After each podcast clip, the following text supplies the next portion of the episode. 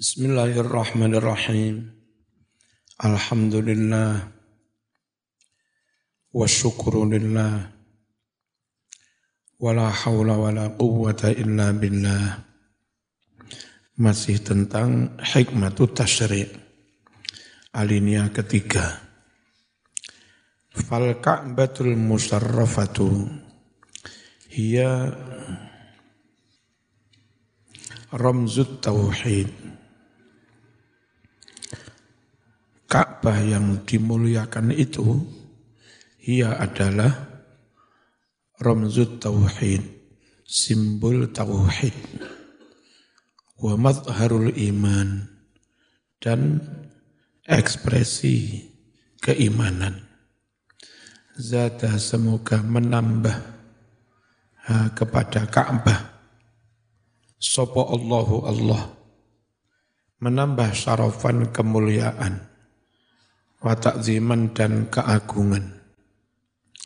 Di samping simbol tauhid dan fenomena bukti keimanan, wa qiblatu abil anbiya dan Ka'bah itu kiblatnya bapaknya para nabi, yakni Ibrahim Nabi Ibrahim Khalilir Rahman kekasih Allah yang maha pengasih. Wahaulaha dan di kanan kirinya Ka'bah itulah orang pada tawaf, pada doa, pada sujud di kanan kiri Ka'bah. Di sanalah taltaki bertemu afidatul malayin hati berjuta-juta umat minal mukminin dari orang-orang mukmin Kenapa meskipun mereka beda partai, beda suku, beda golongan, bisa ketemu bersimpuh di Ka'bah? Li'annaha madharu wihdatihim. Karena Ka'bah itu adalah fenomena persatuan mereka, wujud persatuan mereka. Wasirru ijtima'i kalimatihim. Dan Ka'bah adalah rahasia bersatunya kalimah mereka. Rahasia bersatunya visi mereka. Karena itu layak kalau Allah perintahkan Ka'bah sebagai kib, kib, kiblat. Fala ajaba tidaklah heran an ya'muruhumullah jika Allah perintahkan orang-orang mukmin itu bitawajuhi supaya menghadap ilaiha kepada Ka'bah fi salatihim di dalam salat mereka. Aina makanu di mana pun mereka berada. Fi masyariqil ardi di belahan bumi timur wa maghribiha dan di belahan bumi yang barat. Kama qala ta'ala, seperti Allah Ta'ala berfirman, Fawalli wajahaka syatrol masjidil haram. Kenapa kiblatnya suruh Ka'bah? Karena Ka'bah itu simbol persatuan, fenomena yang membuktikan kei, keimanan. Maka ada baiknya semuanya berkiblat ke Ka'bah. Wahai suma kuntum fawallu wujuhakum syatra. Wahai suma di mana pun kuntum kalian berada, fawallu maka hadapkan olehmu wujuhakum wajah-wajahmu. Ke mana menghadapnya? Syatrahu ke arah Masjidil Haram. Qala al-Imamul Fakhr faqad dzakaru fi ta'yinil qiblah fi salat hikaman. Benar-benar ulama telah menyebutkan fi ta'yinil qiblah dalam menetapkan kiblat fi salati di dalam salat ulama menyebutkan hikaman hikmah-hikmah yang banyak Apa saja hikmah yang disebut ulama tentang mengapa kiblatnya menghadap ke Ka'bah. Ahaduha salah satunya adalah annal abdad dhaif idza wasala ila majlisil malikil azim fa innahu la an yastaqbila seorang hamba yang dhaif yang lemah ini jika si hamba itu telah sampai di majelisnya sang raja yang maha agung, sungguhlah si hamba itu labudda harus tidak bisa tidak an yastakbilahu menghadap ke arah raja. Enggak boleh sowan sudah sampai di ruangan raja malah membelakangi raja. Harus menghadap apa, kepada sang raja. Duduknya itu loh. Enggak usah raja lah. Zaman soan kepada calon mertua, mertuamu mau bokongi, suan nyonso ya. Ya langsung ditolak hari itu juga. Apalagi sowan kepada Allah, Sang Maha Raja. Wajib madep wajah tu wajhiyah. Biwajhihi menghadap dengan wajahnya. Wa alla yakuna hendaknya si hamba itu tidak mu'ridon melingo berpaling anhu dari si raja itu. Sowan itu enggak boleh berpaling dari raja yang disowani. Wa an yubaligha fi sana'i alaihi bilisani. Yang kedua, si hamba yang sowan itu hendaknya melebih-lebihkan fistana dalam memuja-muja alaihi kepada sang raja itu. Bilisani dengan lesannya. Wa yubaligho dan nemen-nemeni melebih-lebihkan. Bersungguh-sungguh fil khidmati dalam mengabdi kepada si raja itu. Wattaturru'i dan DP-DP merengek-rengek lahu kepada si raja itu. Baru kalau sowannya begitu insya Allah diteri, diterima. Fastiqbalul qiblati fis salat maka menghadap kiblat di dalam salat yajri majra kaunihi mustaqbilan lil malik menghadap kiblat di dalam sholat itu adalah berlaku seperti si orang tadi menghadap kepada sang raja tadi. La mu'ridon tidak malah berpaling anhu dari si raja. Sholatmu menghadap kiblat itu diibaratkan si hamba yang sowan raja tadi madep kepada si raja. Wal qiraatu wa tasbihat bacaan Quran, Fatihah, surat, tasbih-tasbih tajri majras sana'i alaihi. Itu berlaku seperti pujaan-pujaan orang kepada sang raja. Waruku wasujud, rukuk sujudnya duduk tahiyat. Yajri majral khidmah. Berlaku seperti pengabdian si orang yang sowan tadi. Wasani yang kedua, annal maqsuda minas salat hudurul qalbi. Bahwa yang dimaksud dari solat itu, inti solat itu apa? Bagaimana hatimu hadir, enggak ngelamun konsen, terasi, awakmu sholat, hatimu yo melok sholat. Bahkan kalau bisa diwalik, asli nih sing sholat rohanimu. Jasan, jasmani itu hanya mengi, mengikuti mesti ngono. Niki ora jasmani sholat masjid, pikirannya neng dinoyo kono enggak hadir namanya. Wa hadzal hudur la yahsulu illa ma'as sukun. Hadirnya hati di dalam sholat, nggak ngelamun, tidak mungkin tercapai layah sulu, illa kecuali ma'as sukun dengan anteng. Makanya sholat ojo ke model wahabi umek nyekel jenggot, nyekel sembarang. Watarkil iltifat dan tidak menoleh-noleh. Wal harokati tidak umek, tidak bergerak-gerak. Wahada sedangkan anteng ini atau namanya khusyuk. Laya ta'ata tidak hasil, tidak tercapai.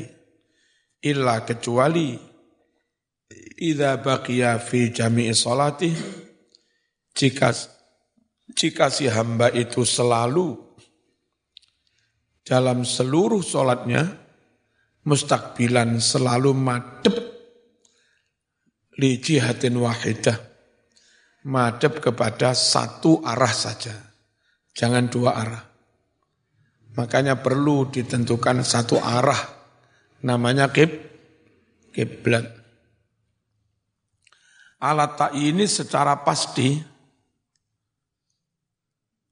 faidahtus ba'dul jihad bimazidi syarafin kana istiqbalu tilkal jihati aula. Faidaktus maka apabila memiliki keistimewaan, diistimewakan, Ba'dul jihad sebagian dari arah, ngalor, ngetan, ngidul, ngulon, ada satu yang diberikan keistimewaan, bimazidi dengan lebih mulia. Kalau ada satu arah oleh Quran dinyatakan arah itu lebih mulia daripada arah yang lain, maka menghadap ke arah yang dimuliakan itu ya lebih maka Karena maka adalah istiqbalu tilkal jihati madep ke arah tersebut aula lebih baik. Wasalis wasalisuha yang ketiga annallaha yajibul ulfah yuhibbul ulfah bainal mu'minin. Yang ketiga hikmahnya ngadep ke satu arah Ka'bah karena Allah itu mencintai atau menyukai keakraban bainal mukminin antara sesama mukminin. Waqad dzakara dan Allah benar-benar menyebutkan al-minnata kenikmatan anugerah biar dengan keakraban bersatunya hati itu alaihim atas mukminin. Dulu suku Aus dan Khadraj perang suku selama 102 tahun. Dengan datangnya Islam mereka bisa menyatu, bisa akrab. Itu anu, anugerah. Dan untuk terus merawat keakraban itu, dimohon semuanya kiblatnya sah, sama. Itu. Itu dalam rangka merawat ul, ulfa, biar tetap akrab. Mana ayat yang menunjukkan Allah memberikan anugerah berupa persatuan dan kerukunan itu.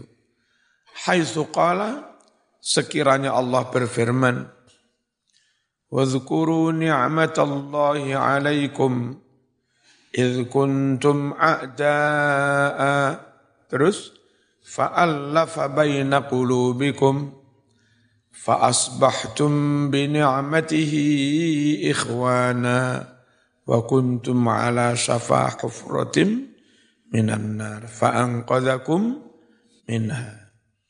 Wadhkuru ingatlah kamu semua nikmat Allah, nikmat Allah. Alaikum nikmat atas kamu, anugerah Allah. Apa anugerah itu? Itu ketika kuntum a'daan kalian saling bermusuh, musuhan lama itu. Fa'allafa lalu merukunkan, mengakrabkan, men, men, mempautkan. Sopo Allah baina kulubikum antara hatimu. Fa'asbahtum lalu kalian menjadi ikhwanan orang-orang yang bersaudara. Bini'matihi karena nikmat Allah tersebut. Nah, untuk semakin memantapkan bahwa kita bersaudara, apa pun sukunya, sholatnya tetap madep kak, Ka'bah. Walau tawajjaha kullu wahidin fi salatihi ila nahiyatin, andai menghadap masing-masing orang di dalam sholatnya, menghadap ila nahiyatin ke satu arah tersendiri, ono sing ngalor ngidun ngulon menduwur menisor salat madhepe macam-macam Mas. Lakana dzalika tentu hal itu menjadi yuhimu memberi kesan ikhtilafan dohiro perbedaan secara nyata. Fa'ayyana maka memutuskan menentukan menetapkan Allahu Allah lahum bagi umat Islam jihatan maklumah, satu arah saja yang telah ditentukan. Wa amarahum jami'an dan Allah perintahkan semua umat Islam bitawajuhi supaya madep di dalam sholatnya. Madep ke mana? Nahwah ke arah jihad tersebut. Liyahsulah supaya tercapai lahum bagi mereka Al-muwafaqatu kesamaan, kecocokan. Partai boleh beda, tapi kiblat tetap sama. Bisa babi dalika, karena sebab adanya satu kib, kiblat. Warabi'uha hikmah madhab kiblat yang keempat, annallaha khassal ka'bata biidhafatiha ilaihi. Allah khususkan Ka'bah itu dengan mengkaitkan nama Ka'bah dikaitkan disandarkan pada nama Allah. Ka'bah itu rumah Allah itu benar-benar enggak terjangkau akal, sangat gaib. Tapi Allah enggak apa-apa, Ka'bah itu dinamakan rumah Allah. Baitul, Baitullah. Sebetulnya kan ya rumah manusia, manusia yang dandan ini kuno yang ngiyup neng kono no lawangi. Tapi untuk memuliakan si Ka'bah itu, Allah enggak apa-apa.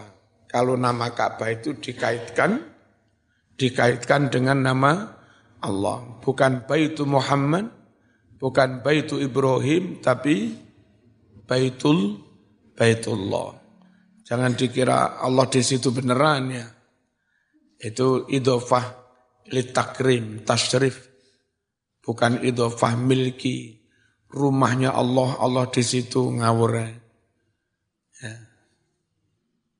Itu mah memang anaknya Isa, anaknya Tuhan, bukan anaknya beneran. Anak yang sangat disayang, sangat dimuliakan. Lalu eh, dulu orang menyebutnya nama Isa Yesus terkait dengan Allah, Allah. Tapi bukan anak beneran. Sama dengan ada mahasiswa sangat apa rajin, terus tertib, sopan, nilainya api, lalu sangat disayang dosen. Anak-anak sekelas bilangnya itu mah memang anak emasnya Pak dosen, bukan anaknya beneran ya. Tapi mahasiswa ter, tersayang, terkasih. Itu namanya idofah tashrif. Ya. Dimudofkan tapi bukan milik. Dimudofkan tapi untuk memul memuliakan. Ojo salah paham.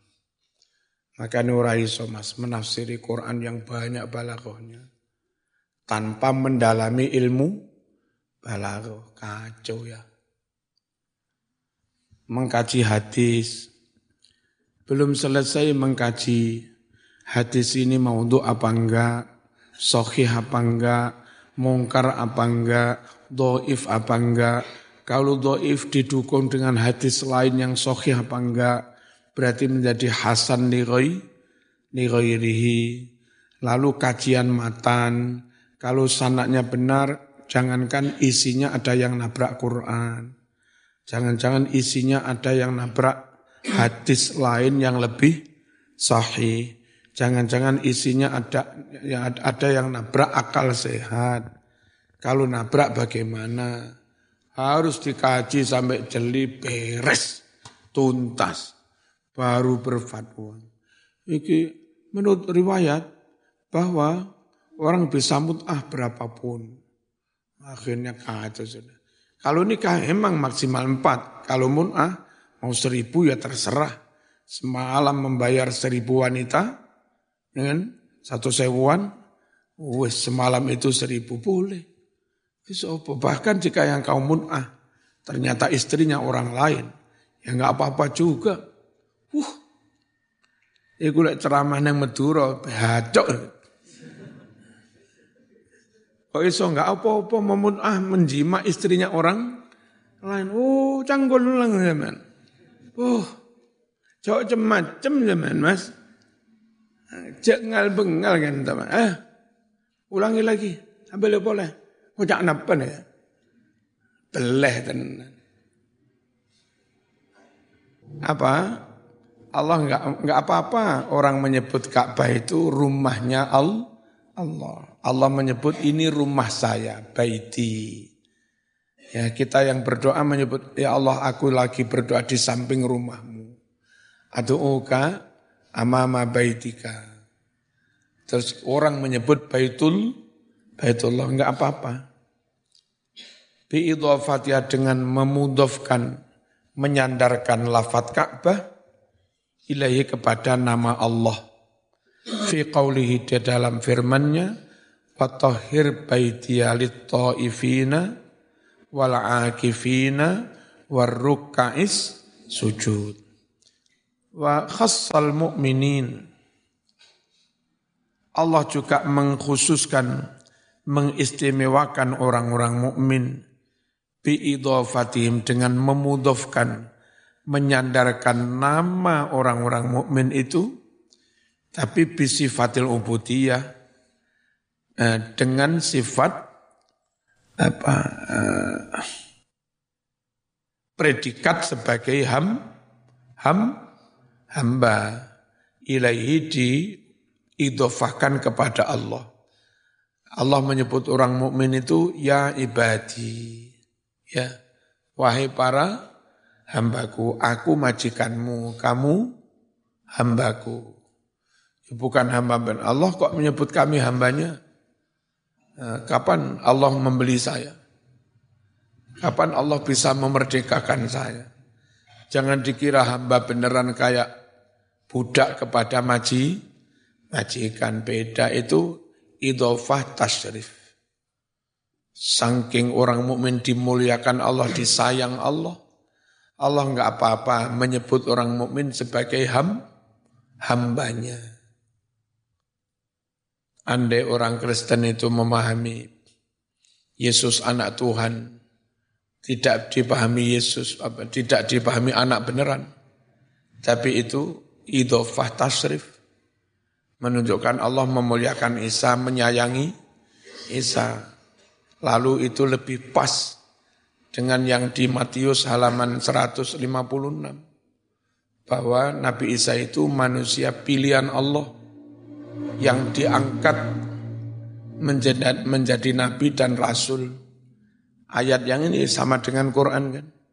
Bukan Isa itu anak Tuhan tapi manusia pilihan Allah yang diangkat menjadi nabi dan rasul. Nah seharusnya misalnya orang Kristen mau memahami kalimat anak Allah, anak Tuhan, itu dipahami sebagai idhofah tafsirif. Allah ingin memuliakan Isa, Allah pengen, pengen lebih menyayangi Isa, enggak nabrak Quran, dan enggak nabrak Matius yang lain. Ya. Dan banyak juga sih sebetulnya orang Kristen yang berorientasi penafsiran seperti itu. Ditungakne muka-muka oleh hidayah. Kok mesakne wong api-api musyrik mesakne.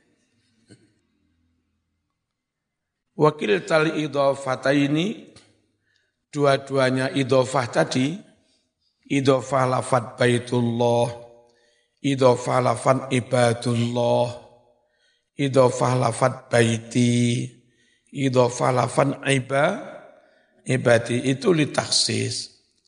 Untuk menunjukkan perlakuan khusus.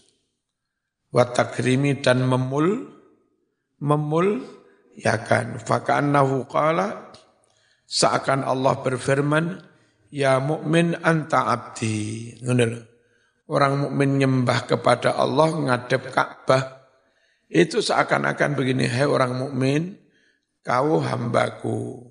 Wal ka'batu baiti ka'bah kuru rumahku. Wassalatu khidmati. Salat itu bentuk khidmah persembahan peng, apa, pengabdian kepadaku. Fa'akbil biwajhika. Madepo jomlengos madepo. Dengan wajahmu. Fi khidmati di dalam melakukan pengabdian kepada saya itu madep ke mana ila baiti ke ke rumahku. Makanya perlu kiblat menghadap Ka'bah. Hamba Allah menyembah Allah madep ke rumah Allah. Pas ya.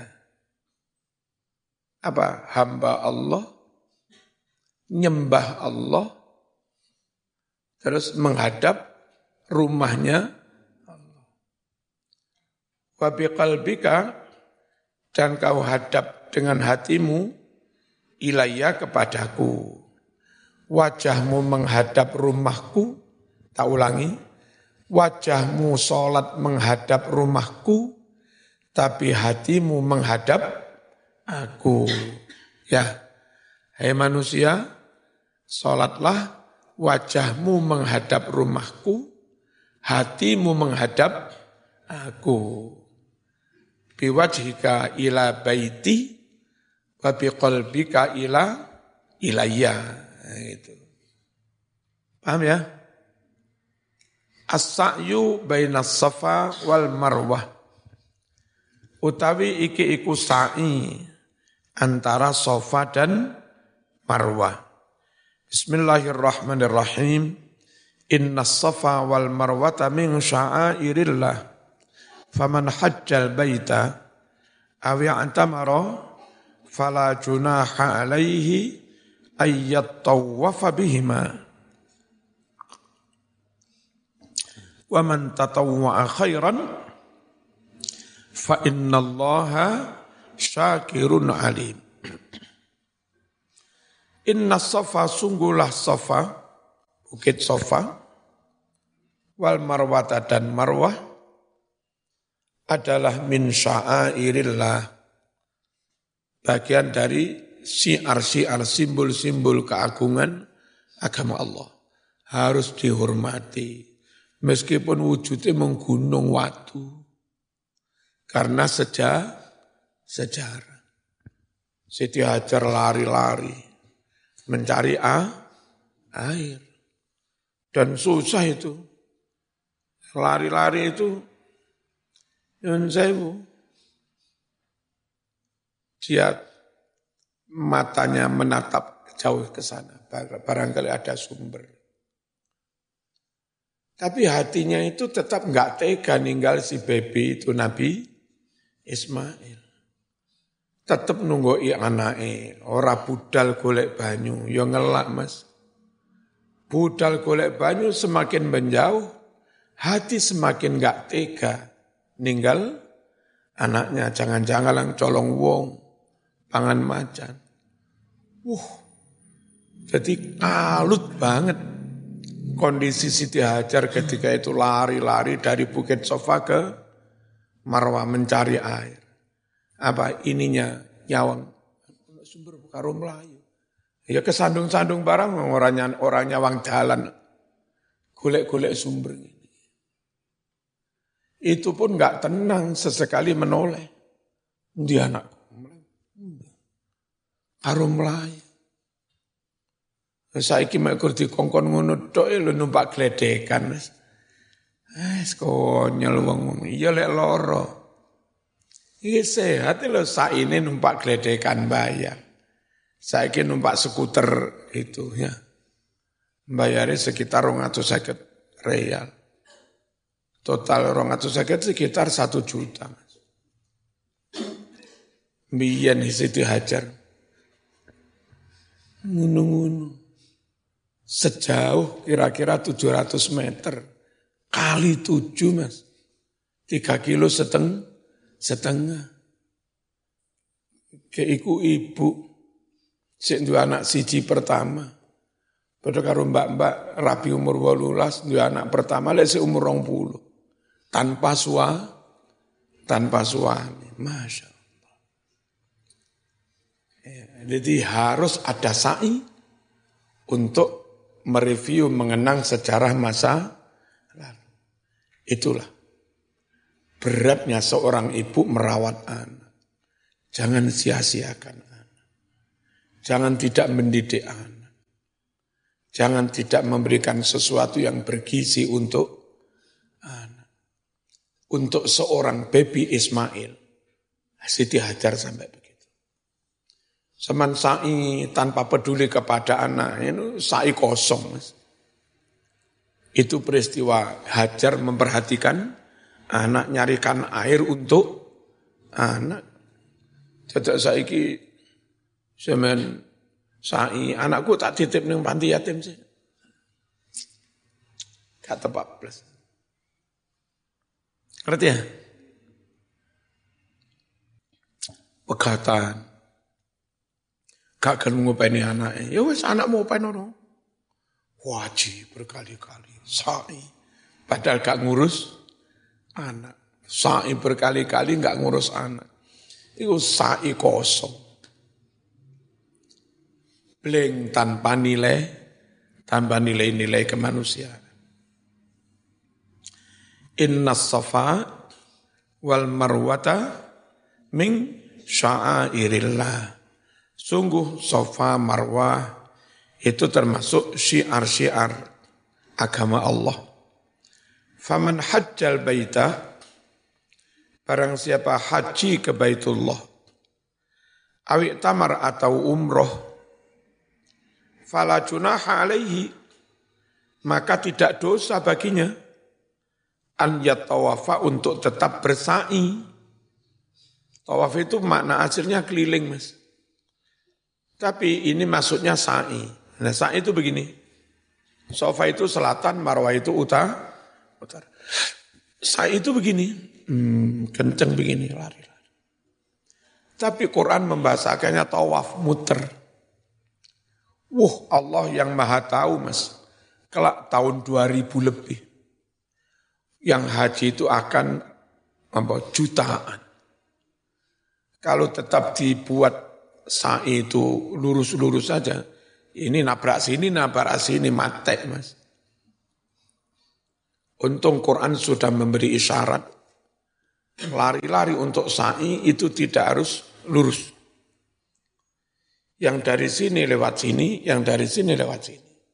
Jadinya kayak meling, melingkar kapasitasnya lebih besar karena dilebarkan dan nggak akan tabrakan karena sini sini sini. Kalau Allah nggak berfirman ya tawafa harus yas'a ngini ini mas jutaan ya tabrak. Ngerti ya?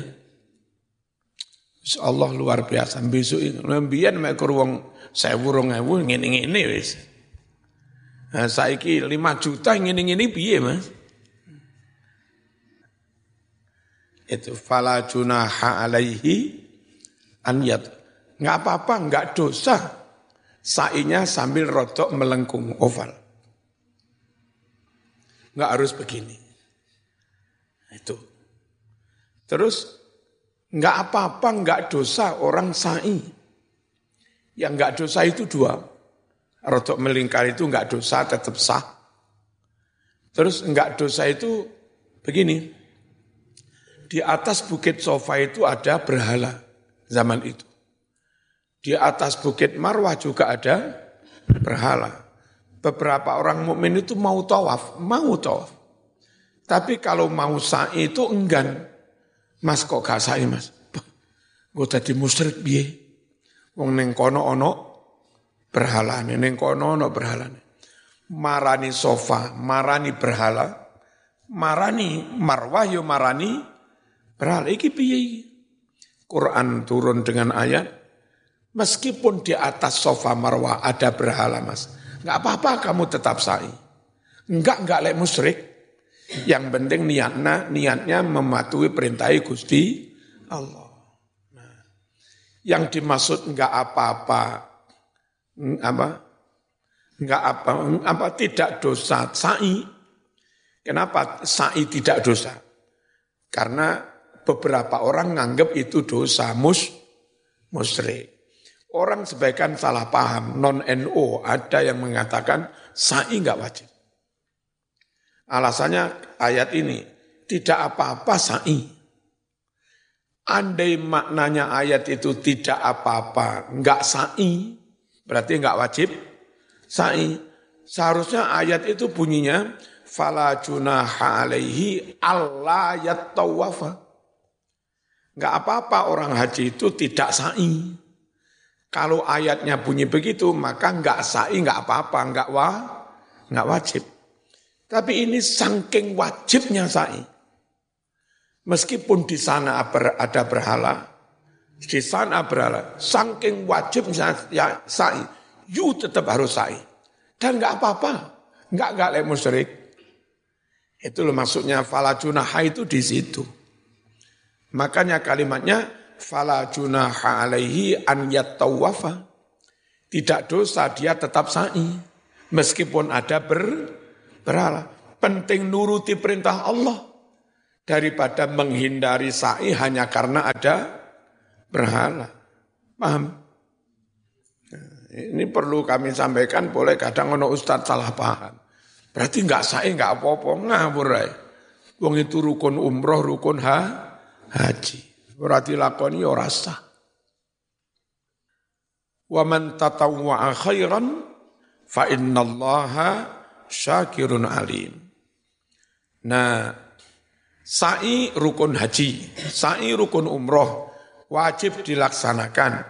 Kalau ada orang di luar sa'i melakukan hal-hal yang yang baik tapi sifatnya suka sukarela ya monggo Nisa'i sambil ngapane Alfia.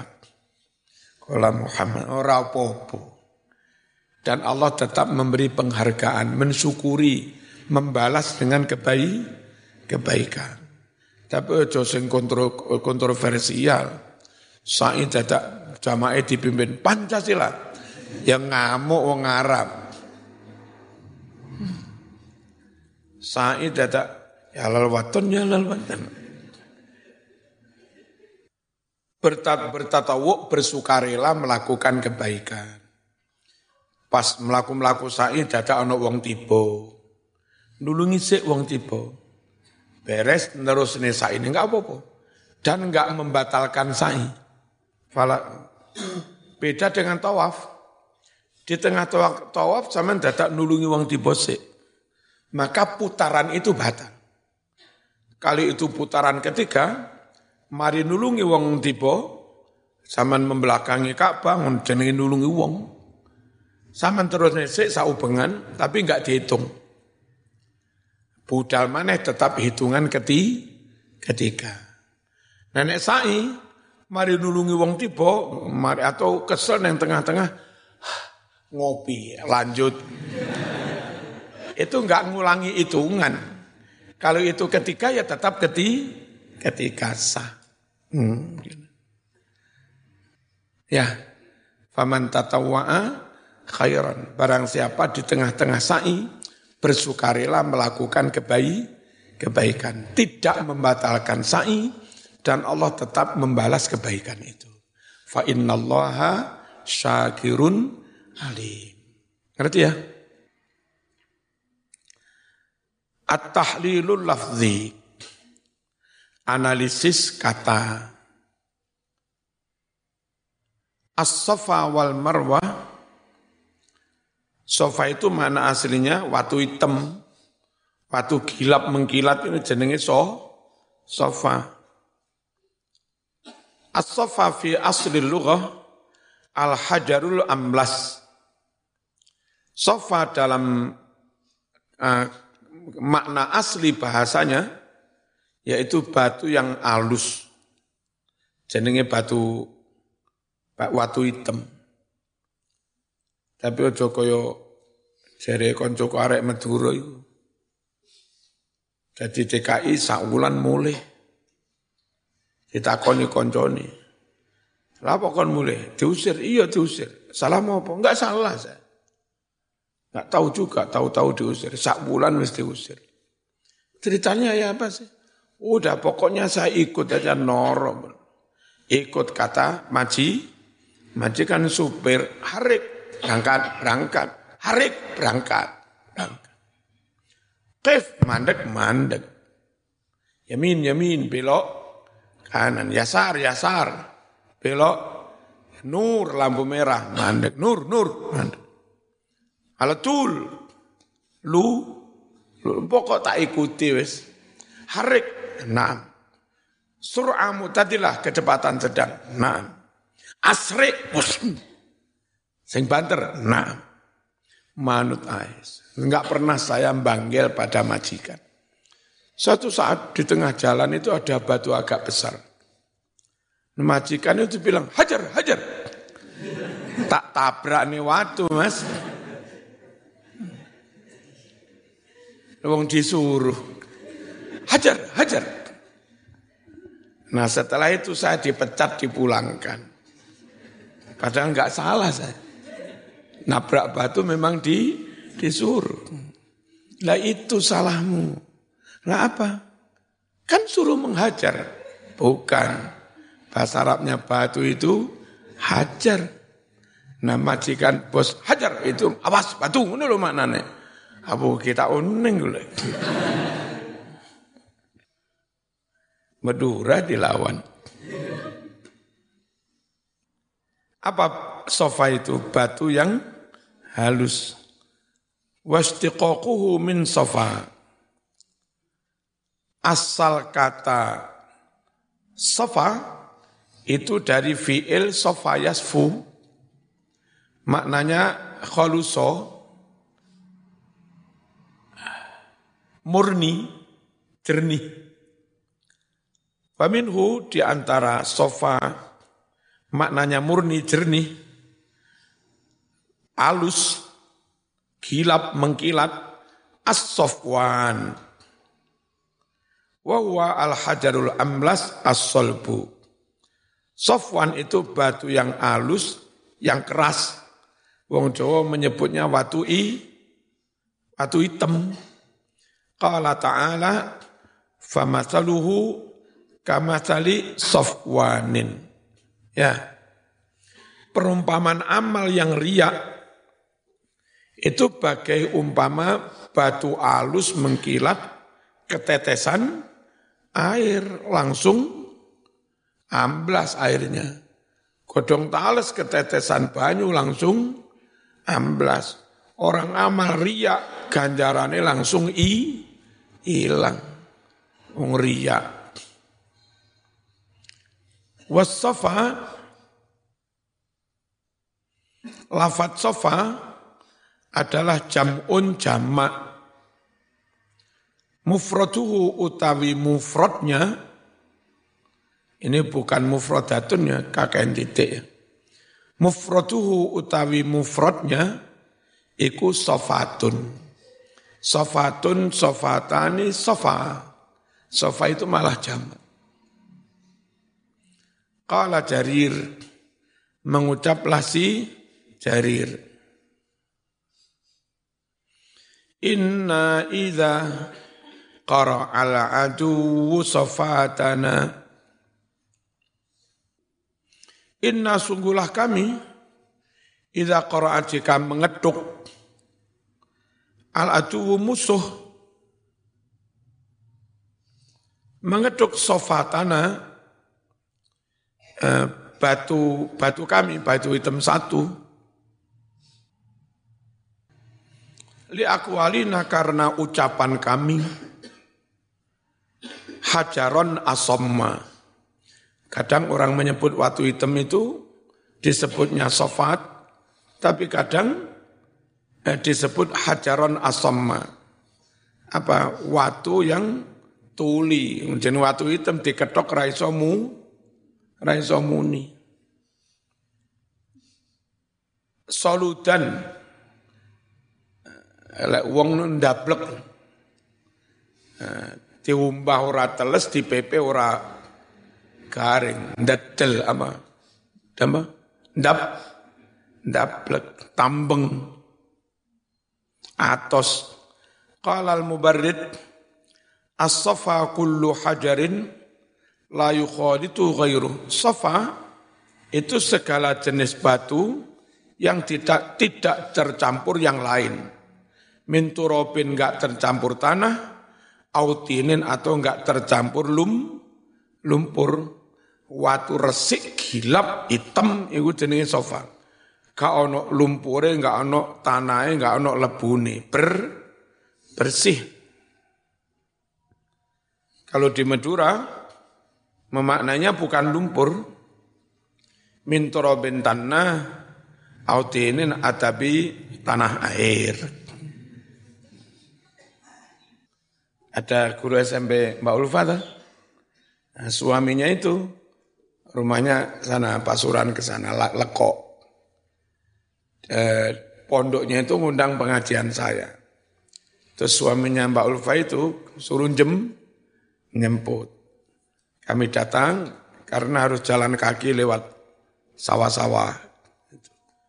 Diantarlah sama suaminya Mbak Ulfa itu pakai senter. Tahu-tahu bilang pakai bahasa yang bagi kami asing banget. Tata kiai kento banyak tanah air kiai. Hati-hati kiai di sini banyak tanah air. Oh, napa tanah air nih? Ini kak tanah beda aingnya nih kak. Oh becek, engki becek. mbak-mbak yang berminat nikah dengan Madura, belajar bahasanya. Utamanya Malang, gampang salah paham. Wong Malang rapi karo Madura. Terus moro-moro eh, sing Malang ngomong, boleh sing lanang guyu Madura. Kenapa sama nagelek? Lapo zaman guyu. Meturone agele inggu. Apa zaman agele? Sing Malang jawab, Mas, mas, lagi nih gelek. Nengen ya. Bahaya. Arek kediri, bocah kediri, bocah blitar. Marung neng Malang ya kudu jelas bahasane. Menggok ning warung lungguh ditakoni karo bakul Malang. Sekolahna nasi dana. Sekolahna ngono bahasa Malang ya. Sekolahna jawab nggih datang Uin Malang. Ya gak salah sing Blitar Kediren. Menggok neng warung penjualnya Maduro. Nasi bu sarapan. Jawab. Nasi yang sepung nak. Betul napa-napa pun, kulo sepung nggih purun.